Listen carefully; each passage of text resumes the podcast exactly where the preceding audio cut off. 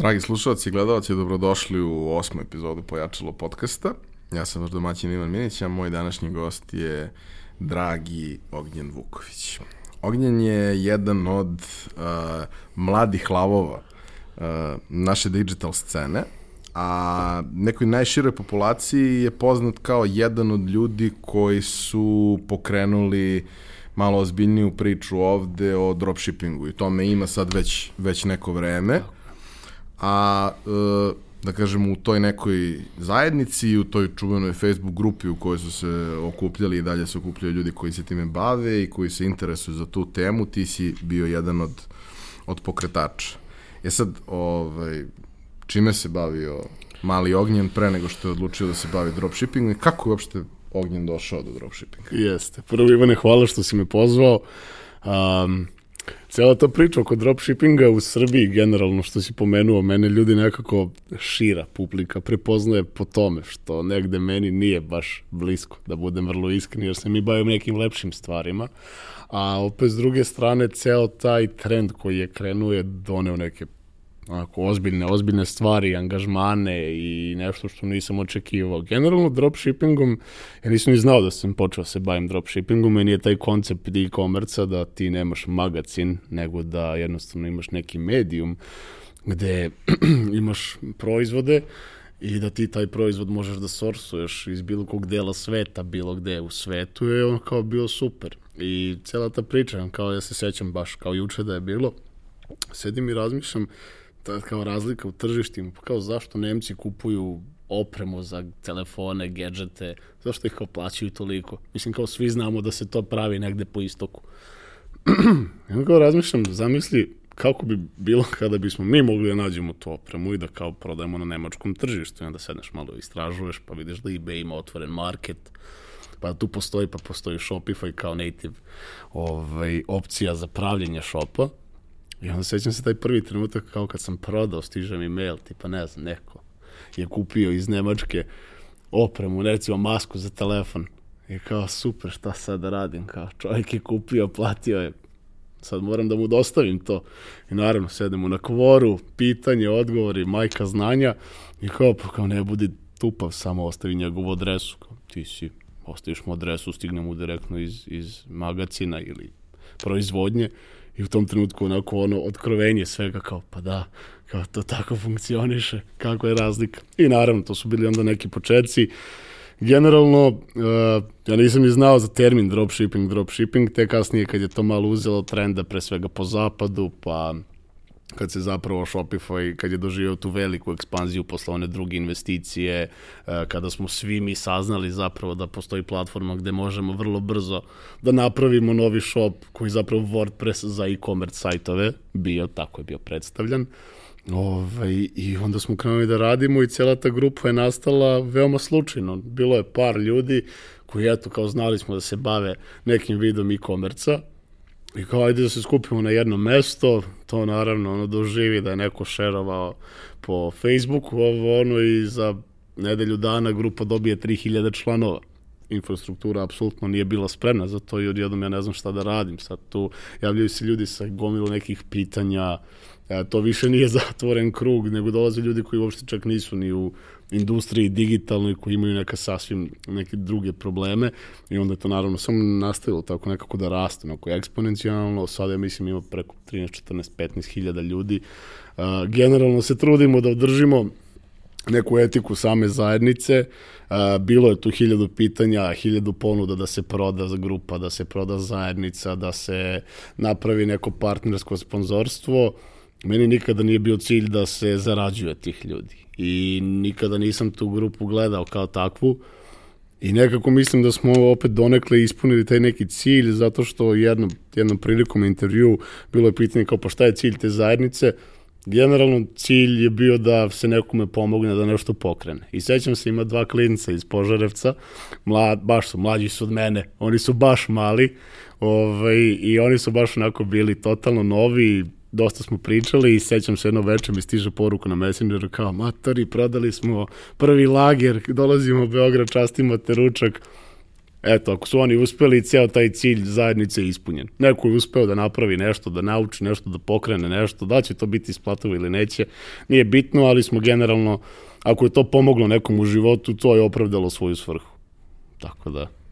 Dobro. Ekspanzija je došla tako što je istok sa jedne strane krenuo da populariše taj biznis model kao ideju da manje više svako uz ok ideju može da napravi nekakav shop koji će generisati nekakav novac. I mislim, moja ideja sa tvojim gostovanjem danas, iako sam ja uvek ono dežurni pesimista ovaj, i sve što uz to ide, moja ideja nije da kažemo ljudima da to ne rade, iako možda u nekim slučajevima i treba im reći da ne rade. Moja ideja je više da probamo da ih pripremimo na to šta zapravo sve treba da znaju, o čemu treba da imaju svest, da bi uopšte takva neka priča za njih mogla da ima smisla. Jer tu jeste bila ozbiljna ekspanzija i kod nas i svuda drugo i sada postoje stotine i hiljade i hiljade šopova koji pokušavaju da urade istu stvar. Tako je. Uh, najveći, ovaj, najveći taj spike je bio kada je Istok šerovao, jer Istok je trg Republike naše digitalne zajednice. Pozdrav za gospodina Istoka. Ovaj, I generalno to je s jedne strane super stvar. Ja mislim da sam ja jedan ono dežurna, ono tužna sova koja ide ljudima i priča čekaj bre, nemojte ljudi uletati, stanite polako. A, generalno, to je bilo pitanje tvoje prvo na što ja nisam odgovorio. Moja pozadina, ja kad sam počeo da se bavim digitalom, ja sam krenuo da freelancujem i to su bile ono početni neki poslovi od pravljenja sadržaja, community managementa nekog, pa do nekih ono ozbiljnijih stvari. Najveći background zapravo mi je onaj angažman sa Daniel Wellingtonom, gde je bila ona monstruozna prva godina od 200 i nešto miliona, ceo onaj hype sa influencerima na Instagramu i tu smo u stvari saznali za taj koncept šipovanja robe koji nije u našem fizičkom magazinu. Posle, posle tog posla su krenule neke ozbiljni, neki ozbiljni angažmani, a, ozbiljni projekti, samim tim raste i neke, ovaj, neko znanje moje neke veštine koje se usavršavaju tih pretokli, prethodnih 6-7 godina. Ali generalno, uh, super pitanje, ja idem svima i pričam i ja sam veoma onako rezervisan što se tiče dropshippinga kao modela, pogotovo sada, jer ima gomilu uh, negativnih stvari koje ljudi ne pominju i proći ćemo to sve. Uh, meni je super ideja da neko sedne i napravi a, sebi posao, mogućnosti, prihode u celoj toj industriji, ali je point u tome što to je jako komplikovana industrija, iz više razloga. Dropshipping uopšte nije lep biznis model i to niko ne priča.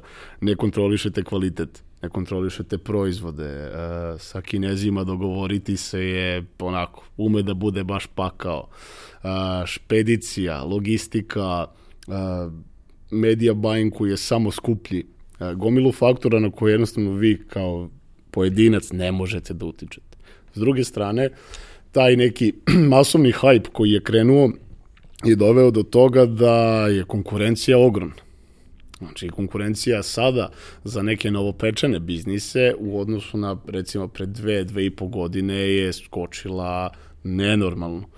Poenta u tome što je još jedan strašno veliki problem sa tim modelom je što nemate ikakvu barijeru. Veoma je onaj low entry uh, moment u samom uh, modelu e-commerce, pošto dropshipping je zapravo jedan oblik e-commerce. Oblik gde vi nemate magacin fizički, već sorsujete stvari iz proizvodne linije ili iz nekog magacina u svetu. Samim tim uh, potrebe i, i stvari koje treba da stavite na gomilu da biste krenuli u posao i te neke inicijalne investicije su vrlo male što se tiče financija i zato je ljudima primamljivo, zato što ne moraju da imaju neku veliku količinu novca na gomili. S druge strane, zahtevi što se tiče veštine su jako veliki. Ja svima kažem, ako niste, ako nemate neku pozadinu, ako nemate iskustvo u digitalu, u advertisingu, media buyingu, kreiranju sadržaja, formiranju fanela prodaje i personalizaciji ofera, ovo verovatno nije posao za vas. Iz prostog razloga što postoji ceo jedan niz skup aktivnosti koji, koji obuhvata jedna uspešna prodavnica. A i to uspešna je onako vrlo, vrlo relativna stvar zato što e, krajnji profit prodavnice zavisi od milion faktora koji se menjaju na dnevnom nivou. Ja sam tu imao ono i dobre i neke loše i loše iskustva od toga da e, imam profit po artiklu preko 300% do toga da me za dva dana reklame koje su mene bile winning reklame stave u dubiozu zato što jednostavno neko je otvorio shop, neko je iskopirao, krenuo da ubacuje ogroman budžet, samim tim je cost per click skočio i tako da ima hiljadu nekih varijanti generalno e, i ono što svima pričam, ako nemate neko neku osnovu, neku fondaciju znanja i veština koje možete sami da pokrijete, ne treba tu letati tek tako. Ima gomilu stvari koje morate da znate i da ispratite i da znate da optimizujete da bi to izraslo u neku uspešniju priču. Um, jedan posebno važan moment iz, iz, iz mog Google-a je uh, zapravo svest ljudi o tome uh, kako to zapravo funkcioniše, da se stvar ne svodi na to da ti napraviš dobar shop, staviš dobre slike artikala, napišeš dobre opise i sve što uz to ide. To jeste preduslov, moraš to svakako da uradiš. Ali ti zapravo moraš da dovedeš ljude koje to zanima i da probaš da to uradiš na što jeftiniji način, da oni naprave kupovinu i da tu onda izvagaš sve. Odnosno, uh, iz, mog, iz moje neke vizure, najsmisleniji najsmislenije mi deluje ulazak u tako nešto. Ako imaš sjajnu ideju za proizvode i dobro oblikovanu priču, ili ako imaš zajednicu kojoj nešto tog tipa treba. Tako je. Ako imaš zajednicu uh, ljubitelja kućnih ljubimaca, neke, neke podvrste, to može da bude sjajan izvor jer to su ljudi kojima to treba. Ako imaš zajednicu ljudi koji se bave make-upom i slično, odnosno imaš profil ili mogućnost da dođeš do influencera i da imaš nekakvu smislenu partnersku saradnju, moraš da nađeš, kad kažemo bazu i, i, i osnovu za sve, sa jedne strane to svakako znanje, ali sa druge strane nije samo znanje, već moraš da imaš ljude koje Tako to eventualno može da interesuje. Apsolutno. Uh, ima jedan super, super quote koji ono često pominjem, a to je if you want to build a business, build a community first. Uh, osnivaš product hunta, ja mislim da je u pitanju. I to generalno, što se tiče e-commerce, je nekako uvek bila moja, moja prva odluka. Uh, ništa ne može da zameni besplatni saobraćaj. U e-commerce je jedna od najvećih problema akvizicija novih korisnika i zato se dosta stvari, dosta a, truda ulaže u onaj unutrašnji deo funnela, reaktivacije, aktivacije, zato što je mnogo veća verovatnoća da će postojeći kupac ponovo kupiti od vas, to jest manje vas košta da angažujete već postojećeg kupca. A akvizicija u e-commerce svaki cent je bitan. I generalno ako imate zajednicu koja je zagrižena za neku tematiku oko koje vi gradite proizvod, je u 9 od 10% slučajeva onaj presudni moment koji određuje da li ćete uspeti biti profitabilni ili ne. Uh, generalno, kada smo kretali da radimo, ja sam između ostalog imao sam preko 10 nezavisnih projekata.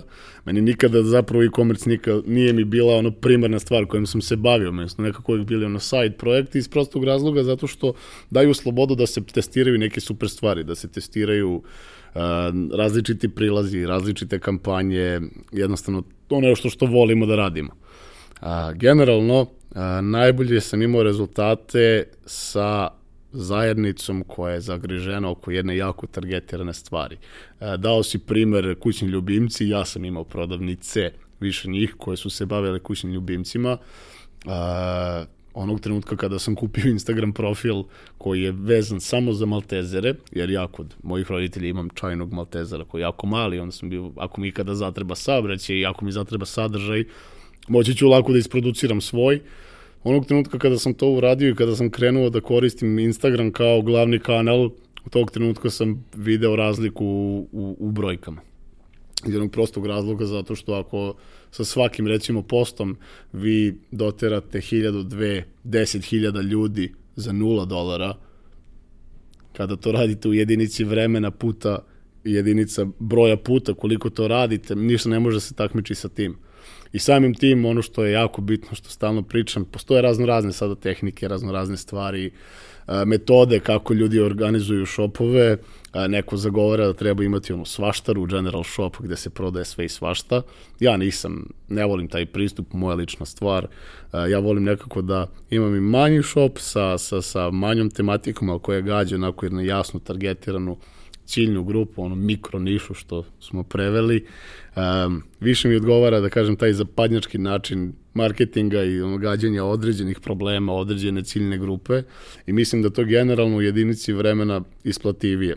Iz prostog razloga imam čak na imam čak onako jedan ceo post gde smo radili, to sam izlagao u Banja Luci, imao sam generalni store gde sam prodavao za sve kućne ljubimce koji je pravio, imao je dosta veliki obrt, ali angažujete copywritera, e, nekoga ko će da radi video montažu, e, nekoga ko će da bude support u vremenskoj zoni kada vi spavate, da može da fulfillujete ordere. Znači tu sad već postoje opet još neki dodatni troškovi angažovanja ljudi i kada se sabere i oduzme ogromni troškovi rada te, te prodavnice i naravno angažovanja vremena.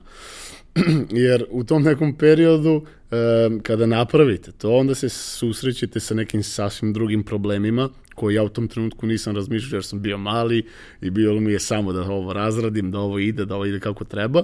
Onda sledeći korak je, ok, sad smo napravili kao neki novac inicijalno, ali ja sad radim 13 sati dnevno. Kako ja da napravim to, da to bar malo može da liči na biznis, biznis pravi koji, iz kog ja mogu da se izdvojim ili mogu samo da, ga, da radim monitoring, a da to funkcioniše bez mene. Tu kreće neki sasvim novi niz problema e, na koje smo ono, našli odgovore na ovaj ili onaj način. Generalno, jedan od testova mi je bio, ok, ja za ovu postavku pričam sa osam izvođača, to jest osam proizvođača, imam mnogo veliki tim koji opet košta novca, košta energije, moram da menadžujem, ajmo probamo da gađamo jednu po jednu. I tad se desio, otvorim shop samo za Maltezere, koji je onako baš imao Sad pristup je bio prilično direktan. Sećam se da je headline bio, ovaj naslov celog shopa je bio If you are a French Bulldog owner, this is not a place, place for you. Pošto u tom nekom trenutku bio onaj clash između Maltezera i, i ne znam, Bulldoga francuskih, no, bila je, da, ne znam šta je bilo u Hollywoodu, i onda jako to je baš gađalo tu neku ciljnu grupu, gde kada se pogledaju statistike samog šopa, to su bilo daleko manje brojke, ali kad se pogleda profit i vreme provedeno na tom šopu, to, se, to je bilo mnogo bolja investicija. Jer recimo da su ono, šop je zarađivao 10 do 15% manje, ali sam se ja bavio 3 sata dnevno tim.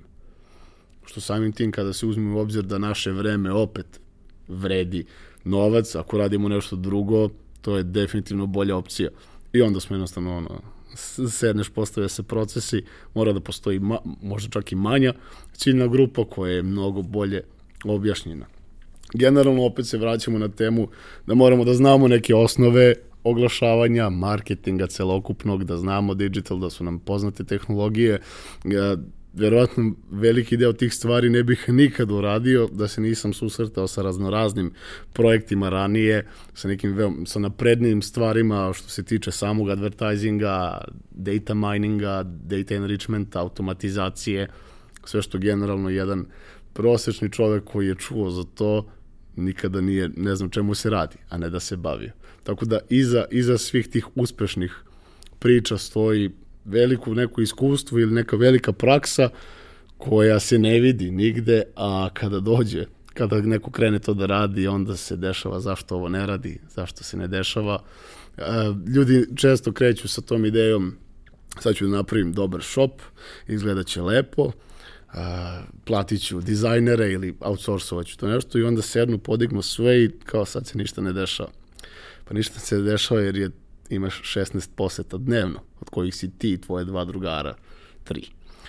I onda se dešava moment da kao, ok, sad ja moram da dovedem neki saobraćaj na to, to košta para, to košta vremena, resursa, uh, uglavnom ljudi čak ni ne računaju na te troškove, ili čak i da su računali ne znaju kako to da urede adekvatno, pa onda kreće moment da ne znaju šta se dešava, pa se onda otvara pitanje trekinga, hiljadu nekih stvari i onda se dođe do toga da cela ta priča da imati dobar proizvod nije dovoljna kao generalno u životu, Nije dovoljno da se ima dobar proizvod, bitno je da se ima dobar proizvod i da ljudi čuju za njega.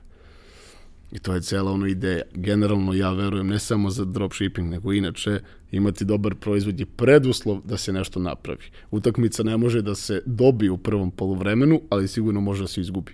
Tako da, osim što to treba da izgleda lepo, da bude kvalitetno, moraju ljudi da čuju i moraju da čuju pravi ljudi. Ne, čak uz mnogo napora ne mora da se ima ni dobar proizvod. Tako je. Da. se dođe do ljudi. To Mislim, su, da. Ne, ne, ne promovišemo nešto tako, ali uh, možda je neki zaključak koji se nameće to da definitivno svako ko razmišlja o tome može da proba da krene od toga da formira nekakvu zajednicu. Tako je. I ukoliko mu to bude išlo kako treba, onda verovatno ima smisla i sledeći korak koji kaže, e, ok, sad dajem neku vrednost tim ljudima čim oni dobro reaguju na to, čim to raste, mogu određenu ono, pareto pravilo, mogu određenu količinu njihove pažnje da preusmerim i na nešto što će meni komercijalno da da rezultat. Tako je. Um, to je jedna jako zanimljiva priča, zato što lično, a kasnije ono, vidim da dosta ljudi se, ima, ima to pitanje.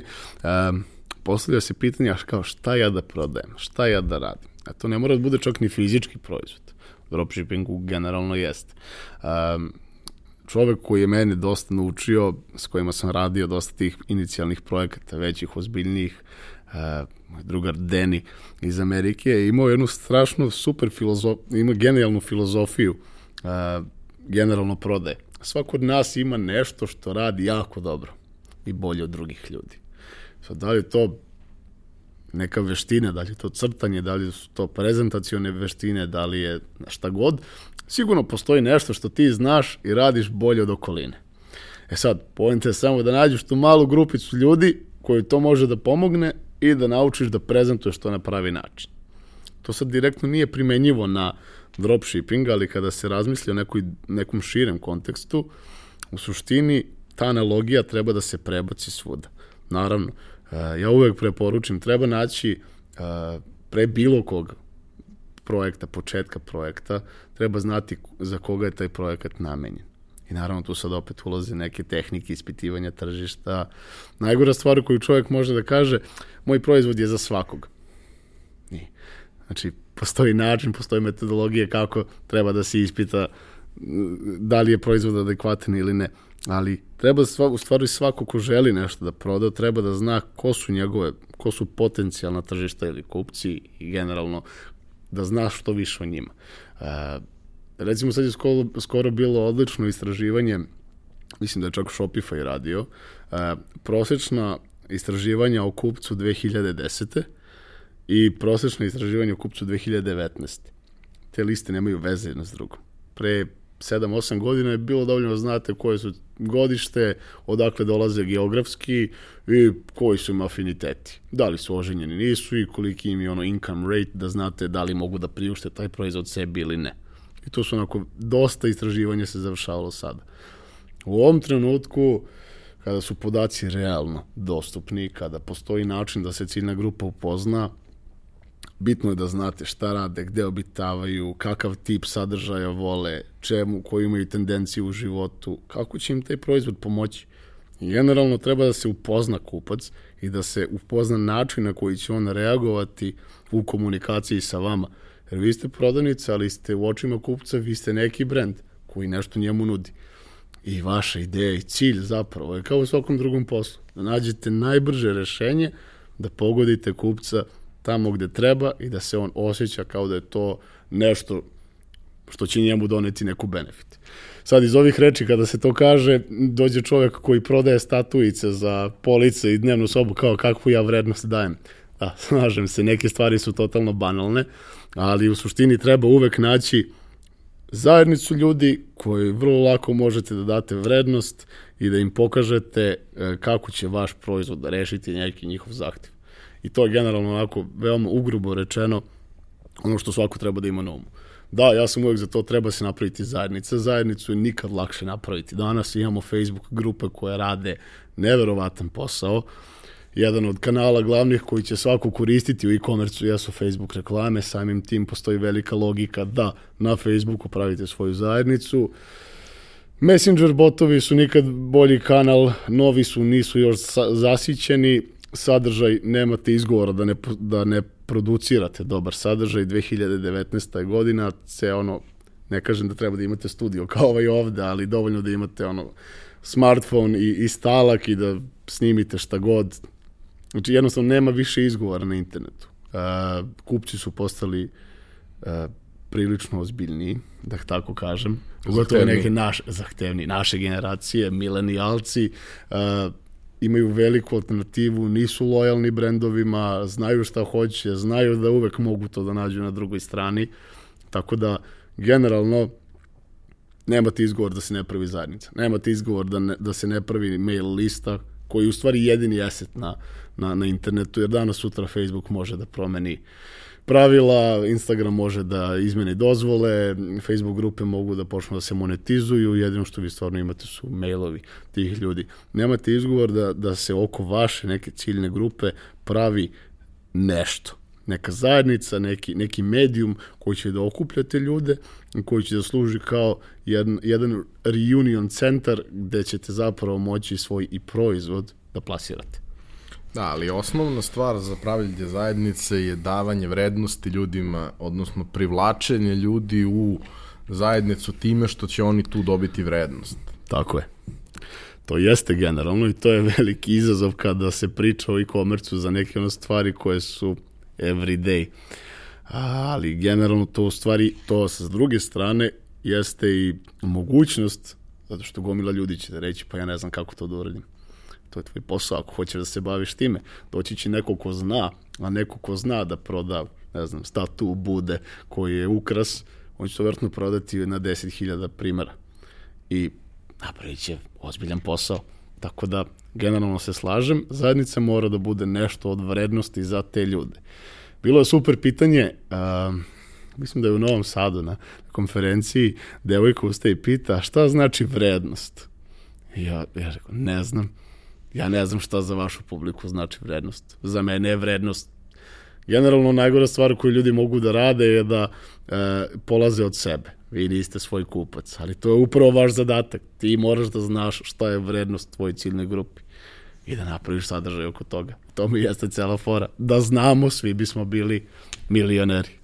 Mnogo uh, u ovom poslu, u, u svim njegovim elementima, postoji mnogo probanja, osluškivanja, gledanja reakcija, gledanja na što ljudi dobro reaguju, ali da, neki zadatak koji je pred svima koji hoće da uđu u ovako nešto je da prosto moraju da rade sjajne stvari koje, koje ljudima trebaju. Da li to znači da ne znam, ako je to primer, je li nešto za interijer, da se bave do it yourself savetima za Tako interijer je. ili nečim sličnim, da li da ovaj, kao prave nekakve preporuke dobrih jeftinih kupovina, dobrih jeftinih poklona iz toga, pa onda je li piksel, pa onda iz tog piksela skupljaš nekako te ljude, pa prosto tražiš šta je ono što je srodno, oko čega možeš da napraviš neki smislen, dobar narativ. Tako je.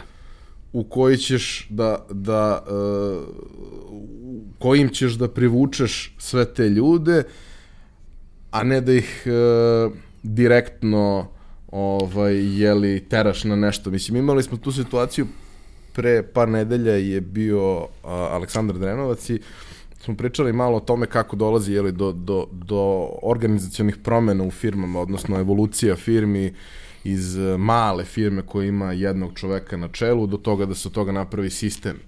I kako je najveći problem kada si u firmi koja je porodična, ali funkcioniše, da ti dođeš i kažeš ne treba to da radite tako. Tako je. Jer niko te neće poslušati, mislim, ne samo zato što smo mi sujetni, nego zato što prosto niko te neće poslušati ko si ti, ko, Tako mi smo napravili nešto što funkcioniše, možda nije idealno, ali funkcioniše, a šta si ti napravi? Ali ako uz mnogo truda ti njega sa druge strane ili nju nateraš da se zamisli da bi on možda nešto trebao da promeni, e onda ima šanse da se nešto desi dalje. Tako isto i ovde. Ti stvaraš potrebu kod ljudi. Tako je. A to je uvek izazov i to je uvek teško. Tako je. A, generalno, šta znači e, marketing je naj, veoma kompleksna, kompleksna delatnost i generalno na, na, na internetu, u e-commerce-u, svi mi moramo da budemo malo od svega, malo da budeš i psiholog, da znaš kako ljudi reaguju na koji sadržaj i upravo ono što si pomenuo da se taj sadržaj menja. E, prodaja, generalna plasman, ceo e-commerce, cela industrija, da kažem, ajde da se dignemo taj neki nivo, to nije neka statična stvar. To je živo biće. To je kao neka ameba koja se bocka i ona stalno menja oblik i na nama je da stalno držimo taj neki oblik koji nama odgovara i da optimizujemo da ona raste. I jednostavno to su onda one variacije testiranja, a da bi se to uradilo, opet moramo da se vratimo na onu priču da taj neki background opet mora da postoji. E, moj generalni savet svima koji hoće probaju e-commerce je da nauče neke osnove, kao i u svakom poslu. Ne možeš doći, odgledao si Suits, voliš Harvey Spectera i sad ćeš ti da budeš advokat. Ti ćeš da obučeš odelo, staviš kravatu, namestiš kosicu i da uletiš kod sudije i da razbiješ slučaj. Čekaj, ideš druže, moraš da znaš osnove. Tako i u svakom poslu. A, ja kažem hiljadu puta, ja hilj, verovatno ne bih uspeo da, da uradim pola tih stvari da nisam pre toga failovao ozbiljno na nekim freelancerskim projektima, na nekim angažmanima, da nisam imao ljude koji su bili mnogo iskusni, iskusniji od mene, koji su me mentorisali, od kojih sam naučio zanat. Ovo je zanat. Generalno, oglašavanje i svi ti neki poddelovi digitala su nešto što se uči i to se konstantno uči. To je lepota ove industrije, se stalno menja. Nešto što je radilo pre dve godine više jednostavno ne pije vodu.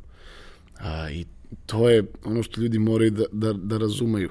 Ne može se samo napraviti shop. I generalno, a, dropshipping je sada ušao u tu pop kulturu, kao što su i startupi ušli pre ne znam koliko, ali generalno ušlo je sad tu pop kulturu da je sad to veoma lako napraviti shop, ubaciti proizvod, pustiš tu neku reklamu, to sve ide na autopilotu, za mesec dana si ti na plaži, to sve radi. Ne ide tako i to je generalno je, napravljena je slika da bi neke bate prodavali kurseve ljudima koji to hoće da urade preko noći. Dropshipping je samo jedan oblik e-komerca koji ima svoje dobre i loše strane koje smo pomenuli i opet morate da uradite skup nekih procesa da bi se to desilo. Mislim da generalno ne samo za dropshipping, nego za šta god da se bavite, ako hoćete ozbiljno da se bavite time i da napravite neki rezultat, morate znate osnove.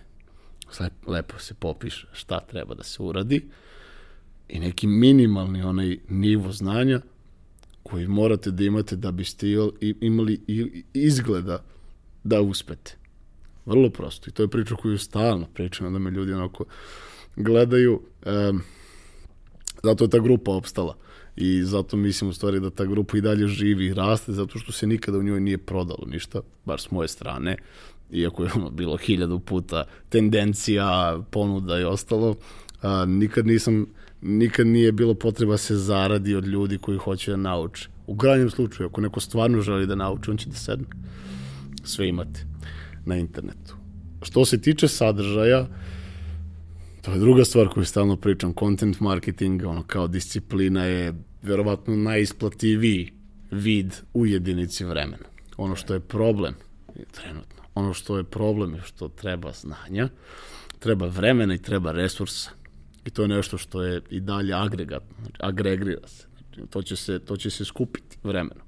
Ako sad pogledamo i napravimo paralelu sa e-commerce, nekim od uspešnijih e-commerce, to je dropshipping prodavnica, kao na primjer Sugar and Candy, uh, Cotton and Sugar, izvini, koji su klasična dropshipping prodavnica, oni su u stvari svoj uspeh napravili na tinejdžerkama.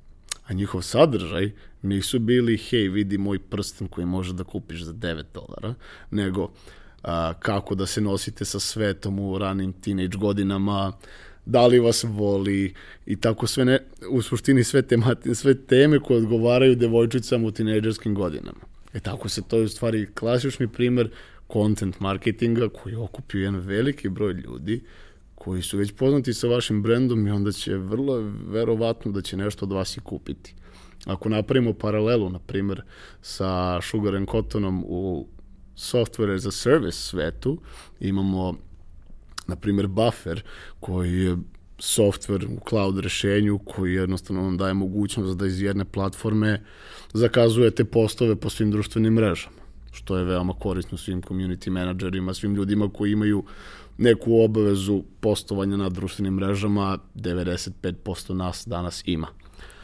Oni su svoju zajednicu izgradili o tome što su ljude učili kako da postignu rezultate na društvenim mrežama, gde se nigde ne pominje njihov alat ili jednostavno stoji veoma diskretan call to action da se alat iskoristi.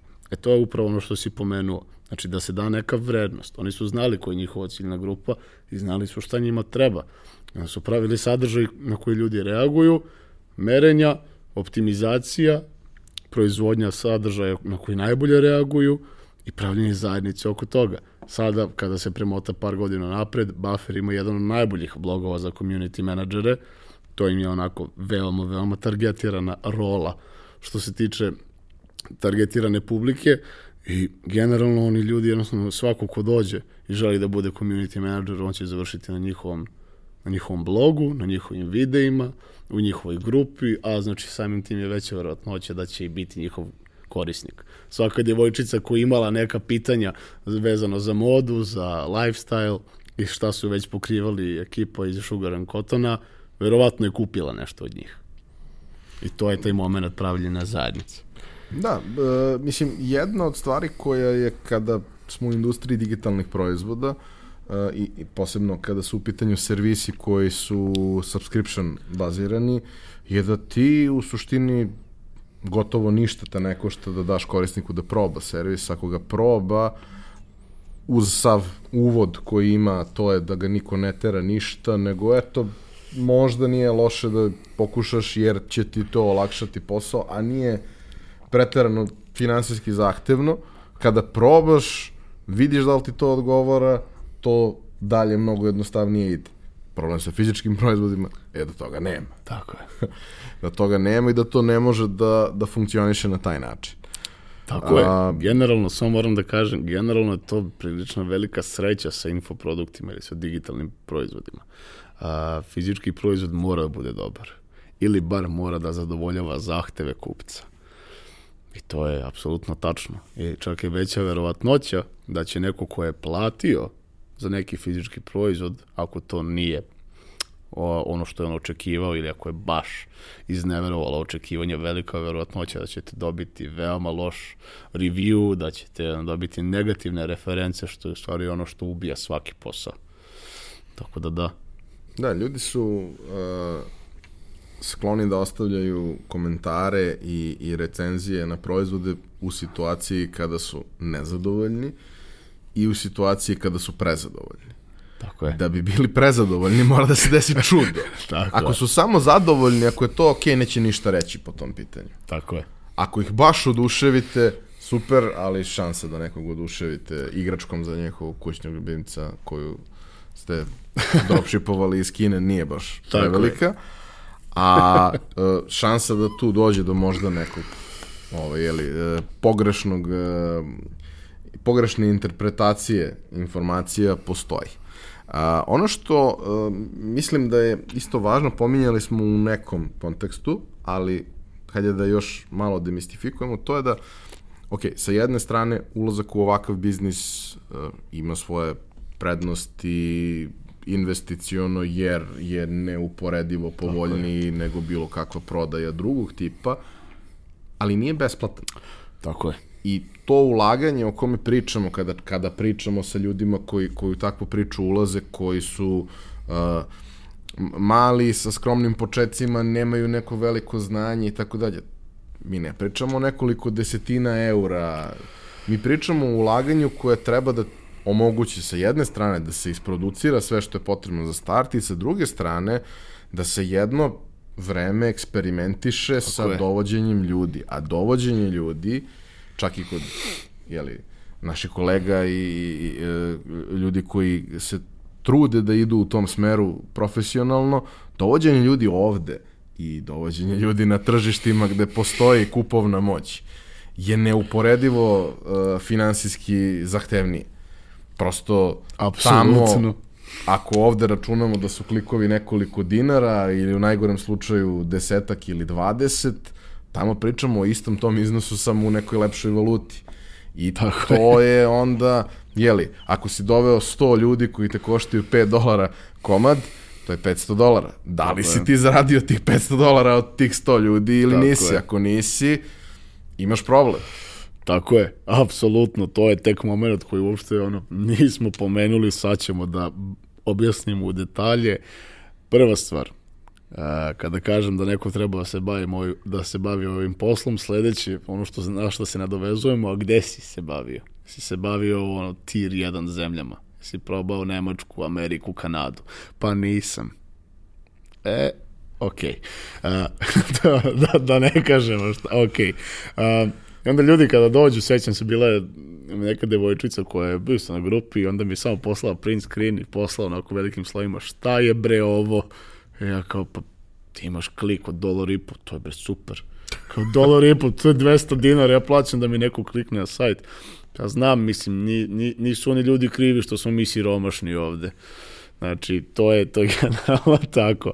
I to je onaj moment što kažem, a, e-commerce ima neviđen broj troškova koji ljudi ne, ne gledaju, jer vi morate da imate prodajnu cenu u koju ćete da uklopite oglašavanje, da kažemo re, re, reklame, proizvod koji kupujete. Znači, nabavna cena proizvoda i, i, i, i prodajna cena proizvoda i ta margina treba da pokriju sve, od izrade sadržaja, a, re, media buyinga, to jest reklame i budžeta za reklame, još nekih ono stvari ako- Infrastrukturnih infrastrukturnih stvari i da još budete u plusu pritom da to budete u mogućnosti da održite tako u procesu skaliranja, gde apsolutno u 9 u 10 slučajeva to neće biti eksponencijalno, nego će vaš media buy da ide više, zato što Facebook jednostavno vidi da vi imate sada para i on će to malo da pogura, da uzme novac, Da pomogne. a vi nećete prodati, a ako povećate budžet 10 puta, ne mora znači da će 10 puta skočiti broj prodaja. U 9 u 10 slučajeva nije. Tako da generalno postoji hiljadu stvari koje moraju da se kombinuju. E, meni je, meni je to bilo zanimljivo, zato što je davalo mogućnost da testiramo sve neke super stvari. Pomenuli smo digitalne proizvode, ja sad trenutno radim sa ekipom iz Ford Dotsa, kao što znaš, sa, e, radimo na in-house alatima koji su opet uh, SaaS kao industrija. E-commerce daje super mogućnost da se testiraju neke nekonvencionalni pristupi, metode i stvari. I to je super. Što se tiče biznisa kao biznisa, uopšte nije džaba da se uđe. Čak i dropshipping uopšte nije džaba da se uđe. A, samo da nabrojim ono osnovne stvari, da morate da, ako nećete da pravite shop od nule, postoji Shopify koji košta na mesečnom nivou 35 dolara je bio posljednji put kad sam ga koristio i to plaćate svaki mesec. Slike ako nemate, morat ćete da napravite, ako ne umete sami da napravite, morat ćete da platite nekoga. Uh, uh, najveći deo budžeta će uvijek ići na media buying, znači Facebook reklame, Google Ads, uh, sve što influenceri koji su u poslednje vreme postali prilično skup kanal. Znači pre dve, tri godine kada smo radili one masivne kampanje na svetskom nivou, uh, cena angažovanja jednog influencera tada i sada se, ja mislim, promenila za petostruko a cene proizvoda su manje više ostale iste ili jednostavno nisu imale toliku razliku. Tako da to se stalno menja i vi u taj neki početak uh, u samo, samo stavljanje neke funkcionalne celine imate trošak od bar 1000 dolara ako hoćete da uradite stvari kako treba. Znači da, da to izgleda i da kad dođe jedan Amerikanac koji jednostavno neće tolerisati da mu se raspadne slika na mobilu ili da, da te ono slike nisu unificirane i obrađene i ako nema uh, safety policy on kao neće da ode. Ono što to pomente priče, ljudi su uh, konzumeri imaju mogućnosti i mora da sve mora, nema nema kompromisa. Ne postoji razlog da se da se prave kompromisi u 2019. godini. Da, uvek postoje izuzeci, da, uvek postoje skrnavi šopovi koji zarađuju pare, to nije nešto na što vi treba da se tak, da, da razmišljate da će uspesti, jer to su neke anomalije. Generalno skupo je i generalno treba se posmatra kao biznis. Uh, generalno kod nas, bar u nekom našem, na, u našem nekom regionu, da li je to posledica da smo mi tak, takvi ljudi, mi volimo da što manje uložimo u posao. I, I onda se dešavaju te neke stvari da ljudi, da ljudi propadnu i pre nego što uspeju. Ali to treba jednostavno da se postavi i ako se već kreću to, svako treba da, da razume da je to biznis kao i svaki drugi, da ima troškove koji su na mesečnom nivou i da jednostavno, ako će da krene ozbiljno to računa, da to mora pokrije. Dobro, mislim, generalno kod nas ljudi kada ulaze u posao, vrlo često nisu spremni na sve ono što taj posao nosi i sve troškove koje, koji mogu eventualno da se jave. I svako od nas kada ulazi u nešto novo, no. ne može da predvidi sve troškove koji će se desiti. Ali iskustvo, znanje, razmišljanje, mogu da učine da predvidimo Svest. 85, a Tako ne 30% je. troškova. Tako je. Jer upravo. vrlo često dolazimo u situaciju gde, eto, kažemo, ok, e, start je 1000 dolara, to nije zakucano ništa, Tako to je, je, a ja kažemo, neka bazična cifra Tako ispod koje vrlo teško može da se ide, a preko koje može da se ide mnogo. Tako je. Od tih 1000, ajde da kažemo da je 500 dolara za nekakvo oglašavanje Tako za nešto. Je Bar. I ti si stavio 500 dolara za oglašavanje i očekivao si da ćeš nakon toga nešto da znaš. Potrošio si ih i ne znaš ništa. e, to je u stvari najveći problem. Generalno postoji jedan jako veliki moment. Znate, uh, 500 dolara za čoveka u Srbiji, za nekoga jeste, za nekoga ga nije, to su sad subjektivne stvari. Ali uh, ta grupa je imala jedan, ja sam I, i to, stalno mi to stoji nad glavom. Ja treba nekom da kažem, e da bre, uzmi napravi shop, stavite jedno 500.000 dolara, pa vidi šta će da se desi. Nekome je ta cifra uh, onako ogromna stvar u životu i tako je. Tako da iz, iz te perspektive onako imamo još dodatno onako odbojnost da kao ljude spremiš za to što će da ih čeka. Generalno u 9 od 10 puta će Facebook da pojede i vi će da stanete kao pa imao sam tu neke klikove, bilo je tu ti neki ljudi što niko nije kupio. Generalno i nama koji smo imali neke rezultate, sve u testiranju. Ja kažem, ja sam imao preko 10 šopova, od toga su tri radila. Radila u smislu da su radila, da su bili long term biznisi. Ovo ostalo su bili, ako gledamo iz finansijske, iz finansijskog ugla, u najboljem slučaju su bili neka pozitivna nula što bi se reklo. Kad kažemo pozitivna nula, nismo potrošili mnogo para, ali smo naučili mnogo. A ovi ostali su, boga mi, onako. Ja, mislim, generalno u takvom poslu vrlo često dolazimo u onu poziciju, mislim, koja je poznata iz klasičnog poslovanja, a to je da e, se trudiš da ga uteraš u nulu, nekako, da biznis uteraš da bude oko nule. Pa kad dođeš do nule, onda možeš da pričaš o nečemu dalje, ali da je zapravo to nešto što je prilično ozbiljan izazov. Jeste. I generalno, uh, kada dođe do... A najgore u stvari stvar od svega je što se tu obrću neke ogromne cifre. I kad vidite, kao da imate ono dnevni promet preko 10.000 dolara, to, to je percepcija u glavi kao bre, ali razbijamo. I onda malo se računaš kao pa ja sam danas zaradio 20 dolara. Pa kao, to je upravo to. I to je zato ono što se mi stalno, ti screenshotovi koji idu po internetu, ja sam danas, gledajte, o moj. Ne, to je, to je obrt. Ajmo da se vratimo malo na osnove ekonomije i, i, i novca. To je obrt kada se uračunaju svi troškovi, koliki je zapravo profit u toga, ako je 10%, ja skidam kapu, svaka čast. Generalno, s druge strane, e, postoje oblici gde e, postoje ono par shopova, kažem, tih dva, tri, koji su stvarno radili dugo. E, dva od ta tri smo prodali kao entitet, kao private label. Private label, opet ćemo samo damo jedan malo objašnjenje. Cela ideja je da vi nađete proizvod i da nađete proizvođača koji može da vam bude da vam proizvodi taj proizvod i da vi jednostavno ga brendirate u svoj. I što u principu većina proizvođača hoće uz neku Tako garanciju Tako broja je. poručbina. To je dobra stvar, zato što private, zato što brendiranje rade ipak malo bolji proizvođači, znači otpisat ćete onaj škart, što je u stvari jako, jako veliki uh, bitan potez. S druge strane, dobit ćete bolje cene, zato što kupujete na veliko. Loša stvar, to jest nije loša, nego veći izazov je što vam treba već inicijalni budžet.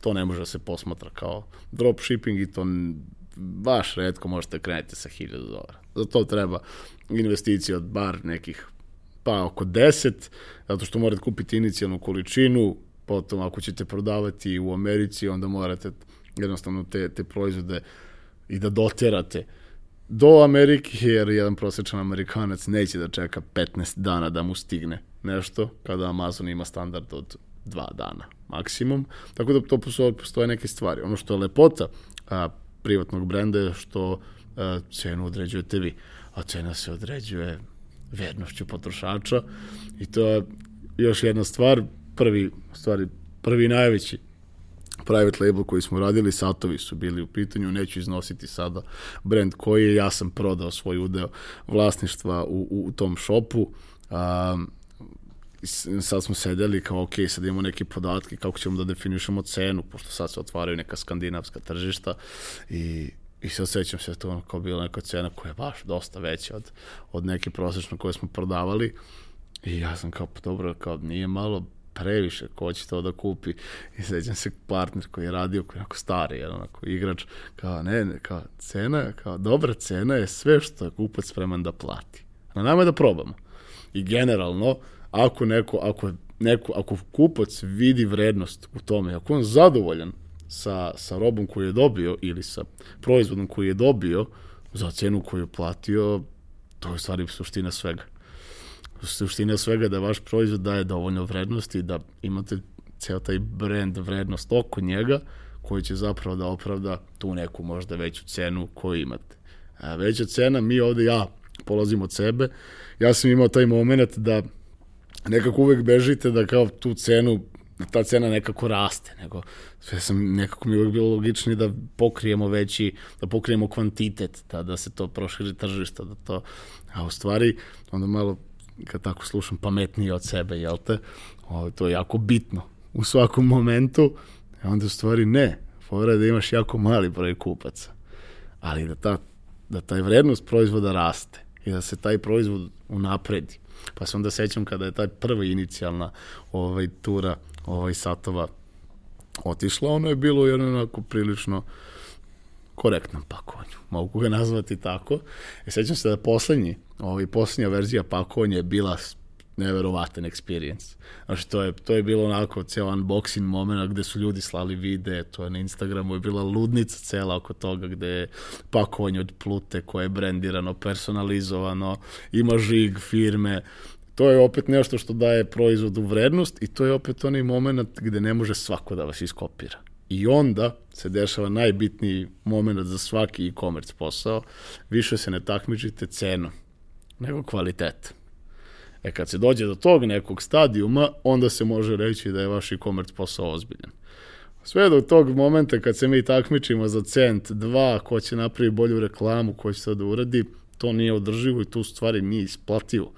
Ja sam pomenuo na početku da je dropshipping odvratan model, jer ne kontrolišete ništa i zato što se takmičite za cenu. Kada dođete do momenta da vaš proizvod ima vrednost koja stalno raste, ti onda više niste u tom ringu. Sad se već takmičimo s nečim drugim, a to je kako da unapredimo taj proizvod i kako da on vredi još više. E, to je ono što zapravo, taj, taj, ta tranzicija iz jednog oblika u drugi je ono što čini e-commerce poslove uspešne. Ono što je meni e, jako interesantno i na čemu ja uvek insistiram kada pričamo o bilo kakvom preduzetničkom poduhvatu, uh, ja, iako važim za čoveka koji ovaj, tako kod prijatelja gasi te preduzetničke ideje jer im nalazi ovaj, eh, nalazi probleme i nalazi eh, da kažemo tačke pucanja gde, gde to može da, da ode na neželjenu stranu. Sa druge strane, pokušavam uvek da jeli, pronađem neko rešenje i pokušavam uvek da motivišem ljude da u to krenu iz jednog jednostavnog razloga koji je u ovome isti kao i kod ovoga što ti radiš, a to je to će biti najvrednije iskustvo Tako koje ste u životu imali. Tako je. Toliko toga ćete iskusiti, toliko toga ćete naučiti. Možda ne znate šta ćete s tim. To isto možda bude problem. Ali naučit ćete toliko prokleto mnogo toga i svaka od tih stvari, ako uspete u svojoj glavi da ih poslužite u nekakav sistem, će doneti vrednost za sve dalje stvari koje budete radili. Znači ti možda jesi kao uh, u, u lokalnoj zajednici prepoznat kao uh, jedan od, od momaka koji su krenuli u tu priču, ali ono čime se ti danas baviš i na šta si fokusiran mnogo više od samog dropshippinga prethodnih nekoliko godina je potpuno drugačije, Tako ali je. i to bi bilo nemoguće Tako da nije je. bilo ovoga. Odličan, jeste. I, i to je to je veoma bitna, bitna stvar. Kaže, meni je dropshipping bio sam, dropshipping mi je bio hobi. To je bilo ono nešto što smeš da radiš jer su tvoji projekti ono indie projekti gde ti možeš da testiraš sve. I upravo taj moment, te se prodavnice koje su, da kažem, i projekti koji nisu doneli finansijsku dobit, su možda doneli još vredniju dobit, to je da si naučio gomilu stvari. Ja se sećam jedne, i to sam onako baš teško podneo, jer sam bio ubeđen da će to da bude vrh.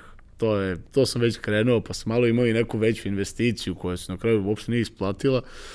Dobra stvar tog propalnog projekta je što je pukao brzo.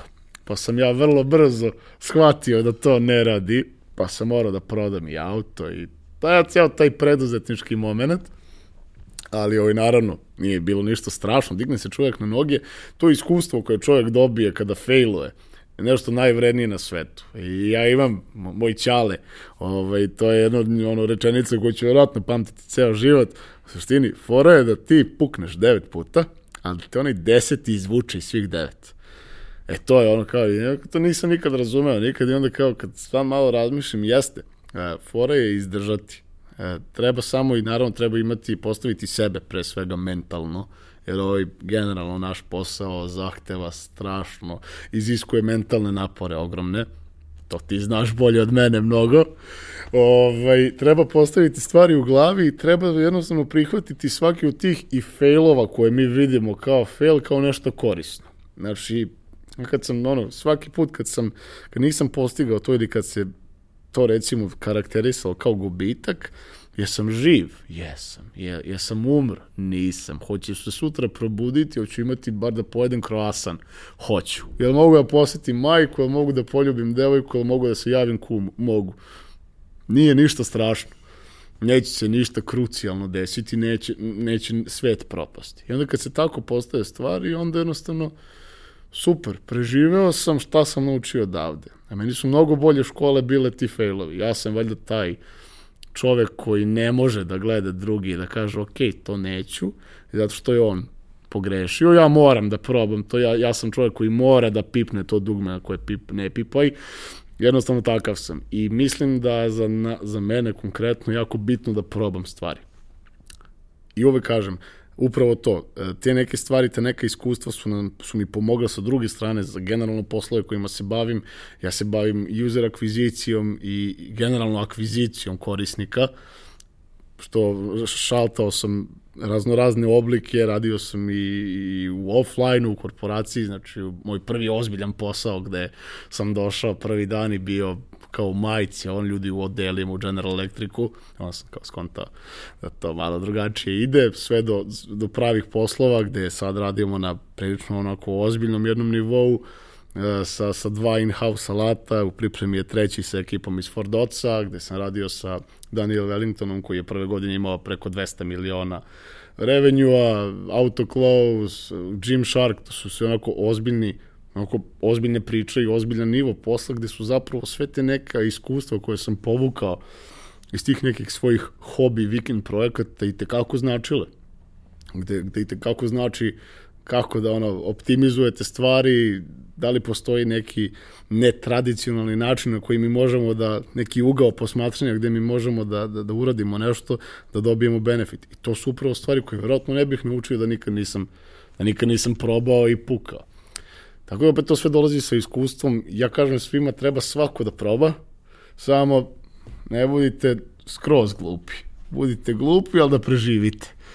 Da, mislim, kod nas postoji taj moment e, i, i u preduzetništvu e, koji e, mene da kažem, užasava do, neke mere, iako razumem ljude, razumem situaciju, a to je, mislim, kada se u preduzetništvo ulazi iz nužde, e, po principu ja nigde ne mogu da nađem posao, mene niko neće da zaposli, zato ja moram da pokrenem nešto svoje.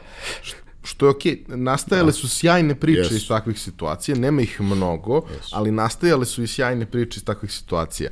Ali taj moment očaja je nešto što je strašno. Yes. Taj moment kada si ti sve stavio na jedno polje i ako nešto ne prođe, sve se srušilo, je nešto što prosto, ok, nekad u životu moraš da uradiš Nažalost. i, mislim, naravno, da. niko ne želi da dođe u tu poziciju. Nekad u životu to stvarno moraš da uradiš, ali sa druge strane, ako ti je to bila strategija, to baš i nije strategija. To je iznuđena situacija. Ne smeš da posmatraš to kao je modus operandi.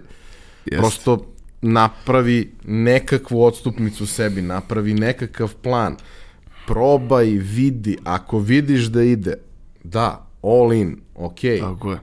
Ali ne all in na slepo, da rizikuješ sve, da sebe upropastiš i dovedeš u situaciju koja je, da kažemo, bezizlazna. Jeste. Opet ćemo se vratiti na ono ubacivanje stvari u pop kulturu, meni je strašno, ja sam generalno mlad, ali opet sad ima i neka mlađa generacija od mene koji su totalno zatrovani onim hustle pornom, gde, gde klinci bukvalno idu sa idejom u, u all in stvari i onda da ih onako uzmete za ruku kao dobro i stani, šta radiš?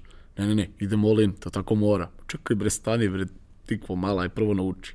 Kao što sam ja. I ja sam imao te momente i onda dođem kod tebe, dođem kod Baste, dođem kod hiljada ljudi. Imao sam sreće, imam neke mentore i da imam ljudi koji će mi to pokazati. A te ako malo klepe po glavi, aj stani.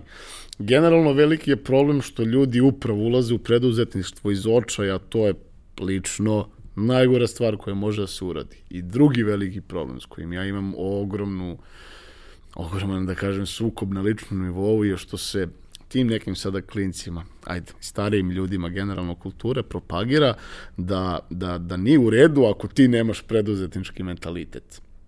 E, to je strašno. Nekad je, nekad je ja, ja sam učio kroz vreme jako da cenim moje drugare i, i generalno ljude koji su zadovoljni sa regularnim poslom od 9 do 5. Nije, nisu oni loši, možda smo mi budale što to hoćemo da radimo, što bismo nekad radili 13 sati dnevno.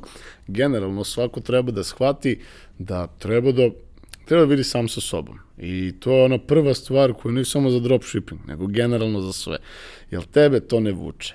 Jel ti to ne bi uradio? Evo sad ovako da imaš, ti neko da tih hiljada dolara, čak, koji ti treba za dropshipping.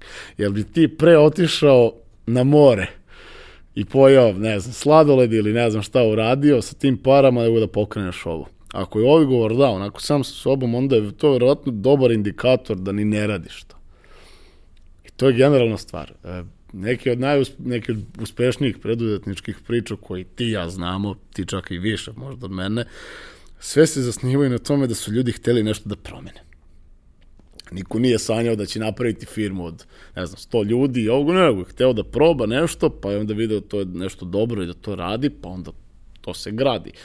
E, taj, to kretanje u posao iz očaja, lično mislim da to neće doneti dobro, iz prostog razloga što za posao opet morate da povlučite racionalne poteze. Da imate a, manevarski prostor. Tako je, jer... E, dobri, dobri, dobri, niko nije bezgrešan. I to je u stvari najveća stvar koju ja imam strašno. Ja imam mlađu sestru onda ja imam govorim tih razgovora. Nije problem da grešiš. I cijela ta ono kao sistem ocenjivanja, to sad bilo ono skoro kao, ne znam, dobila je onako po pesu devojčice, kao dobila je, ne znam, neku lošu ocenu, recimo, se ubila.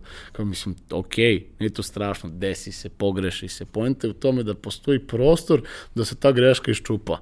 E tako i u poslu, da postoji prostor da i kad padneš, ne zakopaš se negdje ispod, nego da, da znaš da kalkulišeš rizik. Generalno, e, postoji veliki mit u svakom poslu, a to je da preduzetnici ljudi koji vole rizik. Nije tačno. Ne, ja volim kalkulisani rizik. Kalkulisani rizici su super stvar, da vi znate da možete da izgubite nešto, ali da ćete izaći. I mislim da generalno ljudima to je jedan od, od momenta grupe i, i, i razloga zašto i dalje odgovaramo svima kojima stignemo. Nemojte, ako ja znam da ne mogu da ti pomognem, bar mogu da te spasim u nekom trenutku. I to je pomoć. Ima gomilu ljudi koji su, koji, koji su bili spremni da tako ulete, da, da ulete možda mnogo više nego što, što su spremni, što bi kasnije verovatno dovelo do nekih gorih stvari. Tako da treba jednostavno biti pametno, treba biti pošten sa sobom. Generalno, ne znam, ja kažem, savjetujem svima koji su sa sobom rešeni da bi to radili. To su jako, jako lepi testovi, čak postoji, ovaj, ima cela, cela metodologija. Znači, vidite sami sa sobom. Svaki posao, da li je to dropshipping ili bilo što drugo, imate nešto, nekih para koji ćete se odreći. To je to. Ovog trenutka, ako biste vi pre otišli i radili nešto drugo s tim parama, nego da probate to, nemojte to raditi. Ja sam imao sa, ovaj, sa Kevom, kad sam je objašnjavao šta radim, on kao kad je kaže, ne znam, pre, sad sam, napravio sam nešto, pustio sam neku kampanju, bre, potrošio sam ovog para, ju bre, sine, pa što to, pa jesi znao da neće to da uradi? Rekao, nisam, sad znam. ja rekao, pa kako bre, nisi znao? Ja rekao, pa toliko me košta da saznam, ali to je cena koju ja želim da platim, smisleno. Tako da, i ne treba ljudima objašnjavati zašto se to radi.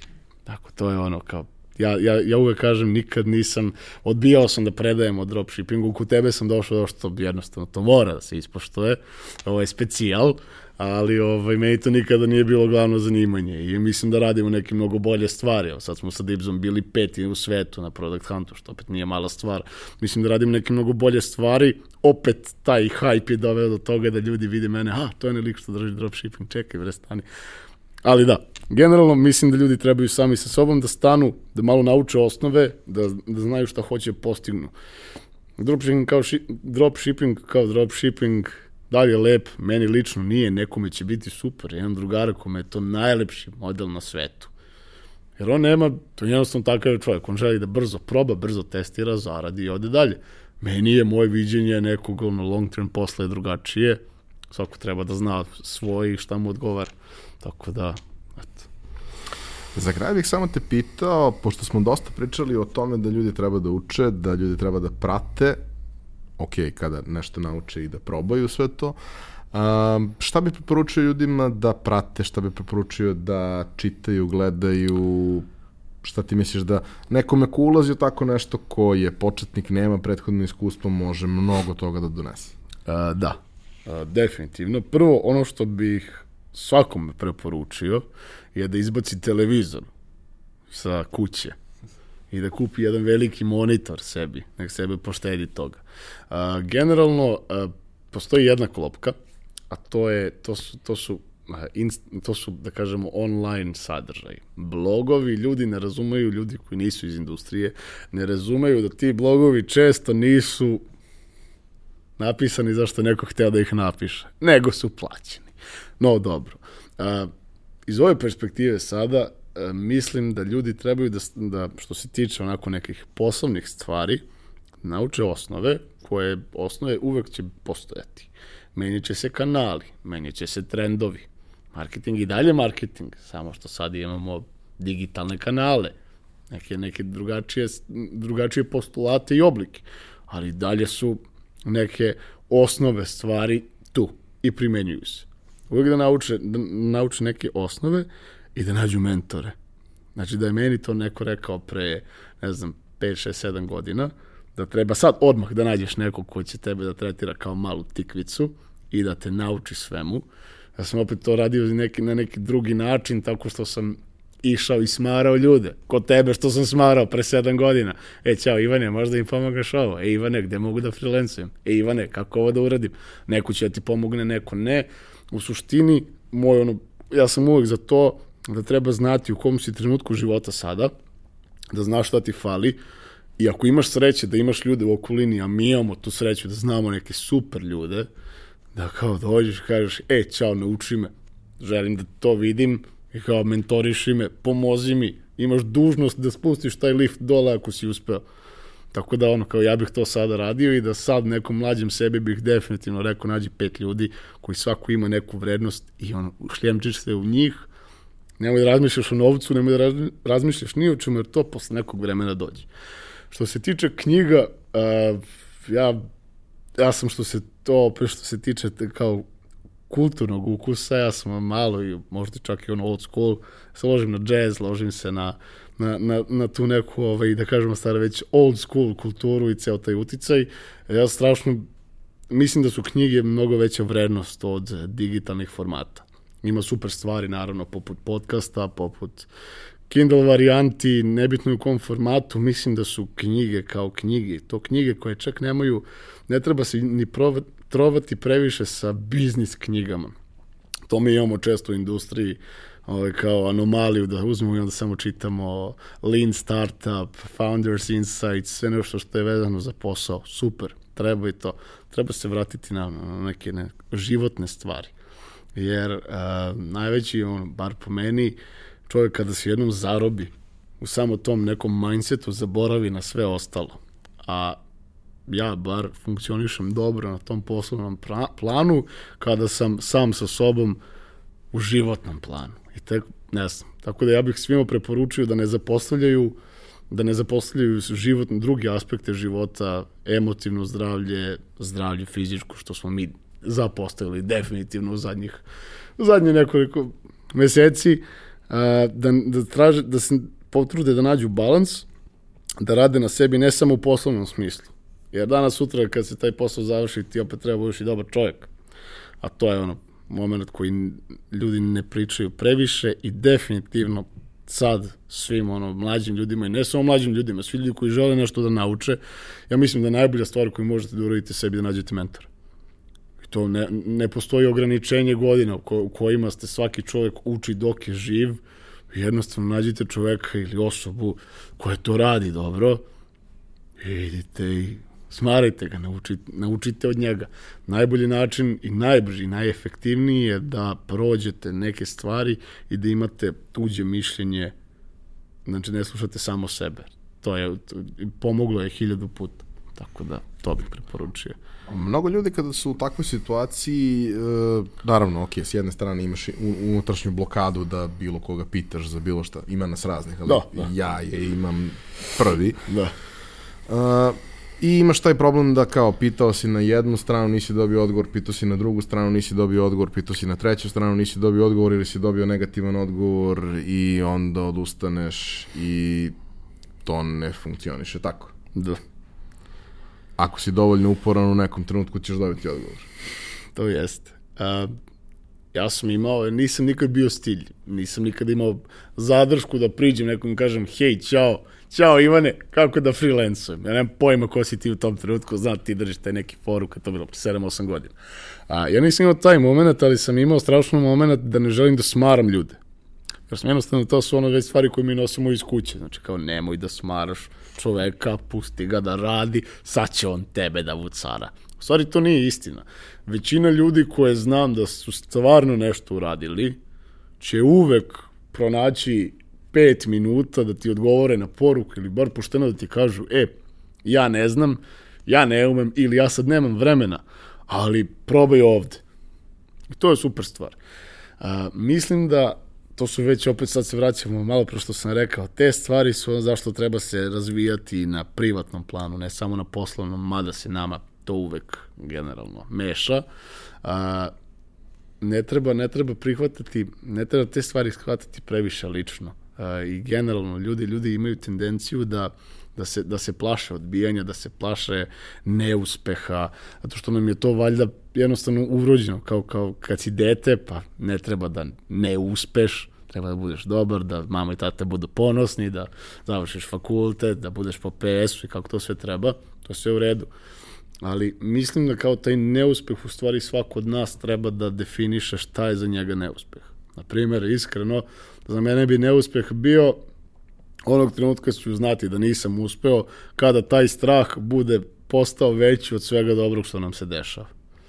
Ja svaki, a to se dešava na hiljadu puta, možda čak dnevno, svaki put kada osetim da negde pokušavam da zaobiđem nešto zato što to nije baš male konfliktne situacije ili možda nije dobro, e to je moment kad treba to da se uradi, jer to su ozbiljne stvari. To su ono kao opet nešto što sam naučio od ljudi koji su mnogo pametniji od mene, jer jednostavno mislim da ceo taj da ceo taj moment rada na sebi mora da postoji da bude paralelan sa poslom, jer će se kasnije preslikavati. A to ja mislim iskreno, opet stvarno ubeđen sam u to, duboko verujem u činjenicu da ljudi koji su stvarno nešto napravili i ljudi koji su kvalitetni u nekom domenu nikada neće ostati ravnodušni na, za to da ih neko pita za iskrenu pomoć. Sad tu postoji kao, zašta me pitaš? Bilo je ono sad, evo ta grupa za, za primjer gde ono dolazi ljudi, ni dobar dan, ni kako ste, čim, bilo šta, nego, e, matori, ajde, pošalji mi ovaj shop, možda mi pomogneš da napravim, moram neki pare krenem da zarađujem. Mislim, sa takvim pristupom, najbolje što mogu da uradim da ti ne odgovorim na poruku i da se pravim da je nisam video. Tako da, ono, mislim da, ali ako ste vi normalan čovjek i na mestu i imate realne, realne želje i neke realne prohteve i znate kako da priđete tom čovjeku drugom normalno, ne bi trebalo da bude problema. I generalno svako od ljudi treba malo da razmisli šta taj čovjek radi. Da li ja njega smaram? Da li su moje pitanja na mestu? Da li ja znam od sebe šta hoću i da li taj čovjek uopšte meni treba? E onda kad se to zamisli, malo dobiju odgovori, pa kao da, ipak mi treba, onda se i odgovori, ali jednostavno to opet polazi svako od sebe. Ogi, hvala ti na gostovanju. Dragi slušalci i gledalci, uh, kao i do sada, molim vas da svoje komentare, poruke, preporuke, predloge o čemu da pričamo, ostavite u komentarima, šaljete nam putem poruka na društvenim mrežama ili nam se javite putem maila. Mi ćemo ih, kao i do sad, uzeti u obzir. Uh, hvala vam na pažnji. Vidimo se sledeće srede.